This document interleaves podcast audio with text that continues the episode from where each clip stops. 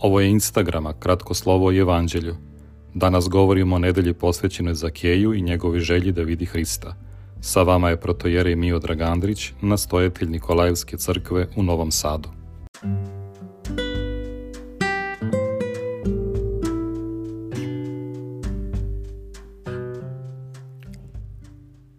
Kada govorimo o velikom postu, najčešće se krećemo u zakonskim okverima – koliko dana treba postiti da bismo se pričestili, kakvu vrstu jela i pića možemo ili ne možemo upotrebljavati, kada se i koliko puta trebamo ispovedati i tome slično.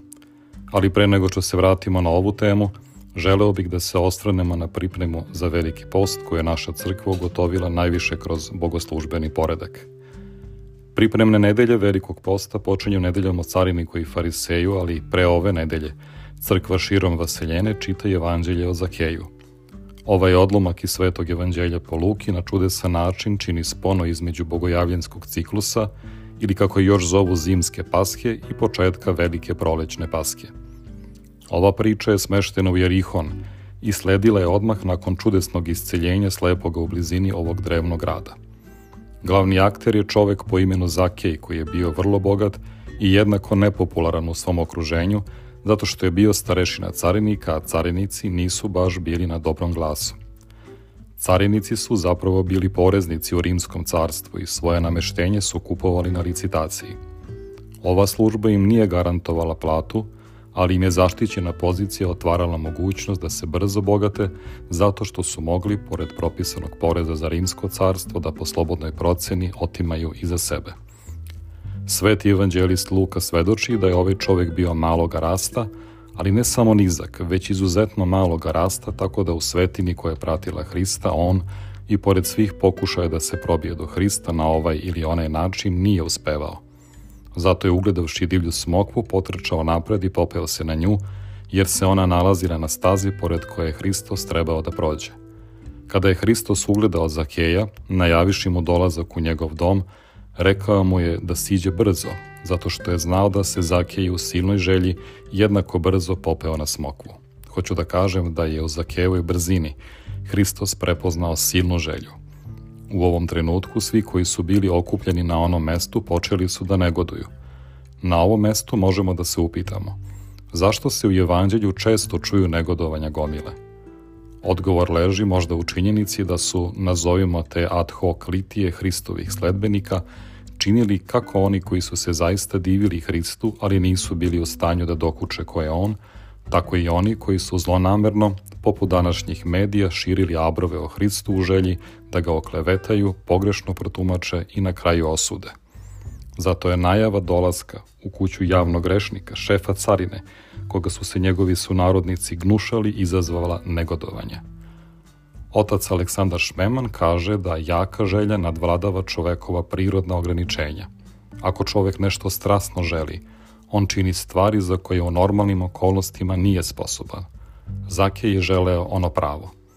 Zake je primio Hrista, kako svedoči sveti evanđelist Luka, radujući se i za razliku od mnogih drugih nije čekao Hristov savet, već je znao šta mu je činiti. On je želeo da susretne Hrista i zato je usledio neobičan obrat ove evanđelske fabule koji niko nije očekivao. Na jednom se u čoveku koji je smisao života pronalazio u besciljnom bogaćenju na nesreći svojih sunarodnika, a na korist ugnjetavača, zadesila radost u davanju svega što ima. Onaj koji je bio zarobljen svojim strastima i pohlepom, onaj koji za sebe bez griže savesti, u nesreći udovice, ratne veterane, zanatlije, uboge i bolesne sada slobodno, rasterećeno, preumljeno i pokajano u svoj punoću ove svetotajinske reči staje pred gospoda i kaže da će polovinu imanja dati odmah siromasima, a ako je nekoga oštetio, vratit će mu četvorostruko. Drugim rečima, a s obzirom da znamo kako je poslovao kao poreznik oštetivši mnoge ljude, Zake je odlučio da razdeli sve i da krene za Hristom u svoj novi život – Hristove reči danas dođe spasenje domu ovome, jer je ovo sin Avraamov, jer sin čoveči i dođe da potraži i spase izgubljeno, deluju tako oslobađajuće na Zakeja, ali i na sve nas, koji željno tragamo za iskupljenjem i spasenjem. U Evanđelju o Zakeju vidimo živu sliku čoveka koji željom pobeđuje sebe. Zato je tema ovog odlomka želja, jer u čoveku bez želje zamire život. Savremeni čovek teži ka ispunjenju svih želja, ali ga prezasićenje dovodi u stanje duha gde on prestaje da želi. Mi ne znamo početni razlog zašto je Zakej želeo da vidi Hrista. Da li zbog radoznalosti ili nečeg drugog, mi to ne znamo.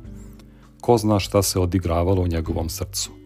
Možda se umorio od iskorišćavanja ljudi, od slušanja udovica kako plaču dok im uzima novac i hranu. Ne bi me čudilo da je doslovno otimao hranu siročadi iz usta. Za njega lično, kako kaže Sveti Jovan Šangajski, dolazak Mesije predstavlja katastrofu. Rimskoj vlasti bi se u tom slučaju približavao kraj i triumfujući Izraelj bi mu se svakako osvetio za štetu koju je od njega pretrpeo, za uvrede i neprijatnosti koje mu je naneo. Ali čak i da se to ne desi, jer je Mesija pravedan i krotak, njemu za Keju sleduje postramljenje i gubitak bogatstva i položaja koje je stekao zastrašujućom cenom izdaje Boga, naroda i nade Izrailjeve. Ali Zakej možda u svojim mislima i dalje traži alternativno rešenje, razmišlja dalje i pita se. Možda to i nije sasvim tačno – Možda ovaj novi pravednik nije uopšte Mesija. Ne veruju svi u njega. Upravo ne veruju najveći neprijatelji carinika, fariseji i književnici. Možda su to sve samo glasine.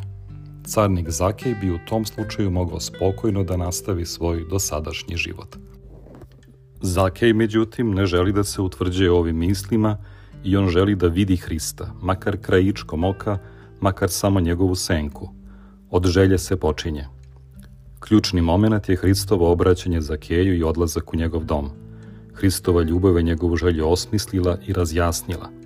Tek tada se srce Zakejevo otvorilo i pružilo nam divan primer pokajanja, jer je spontano i slobodno ušao Hristov život.